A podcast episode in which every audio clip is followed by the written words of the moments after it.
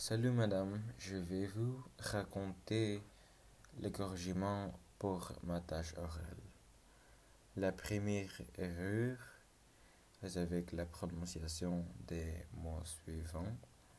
C'est pas nom de famille, mais c'est nom de famille. C'est pas gentil, mais c'est gentil. C'est pas philippin, mais c'est philippine.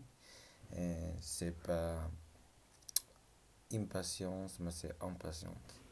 Le deuxième erreur est avec la prononciation, détermination des verbes. Par exemple, je dis améliorer ou cuisiner ou écouter, mais c'est pas comme ça. C'est améliorer, cuisiner et écouter. La troisième erreur avec la traduction du mot wetenschappenwiskunde au néerlandais. Euh, je ne traduis pas le mot à français. Euh, je crois en français ce euh, science mathématique. Euh, C'est ça.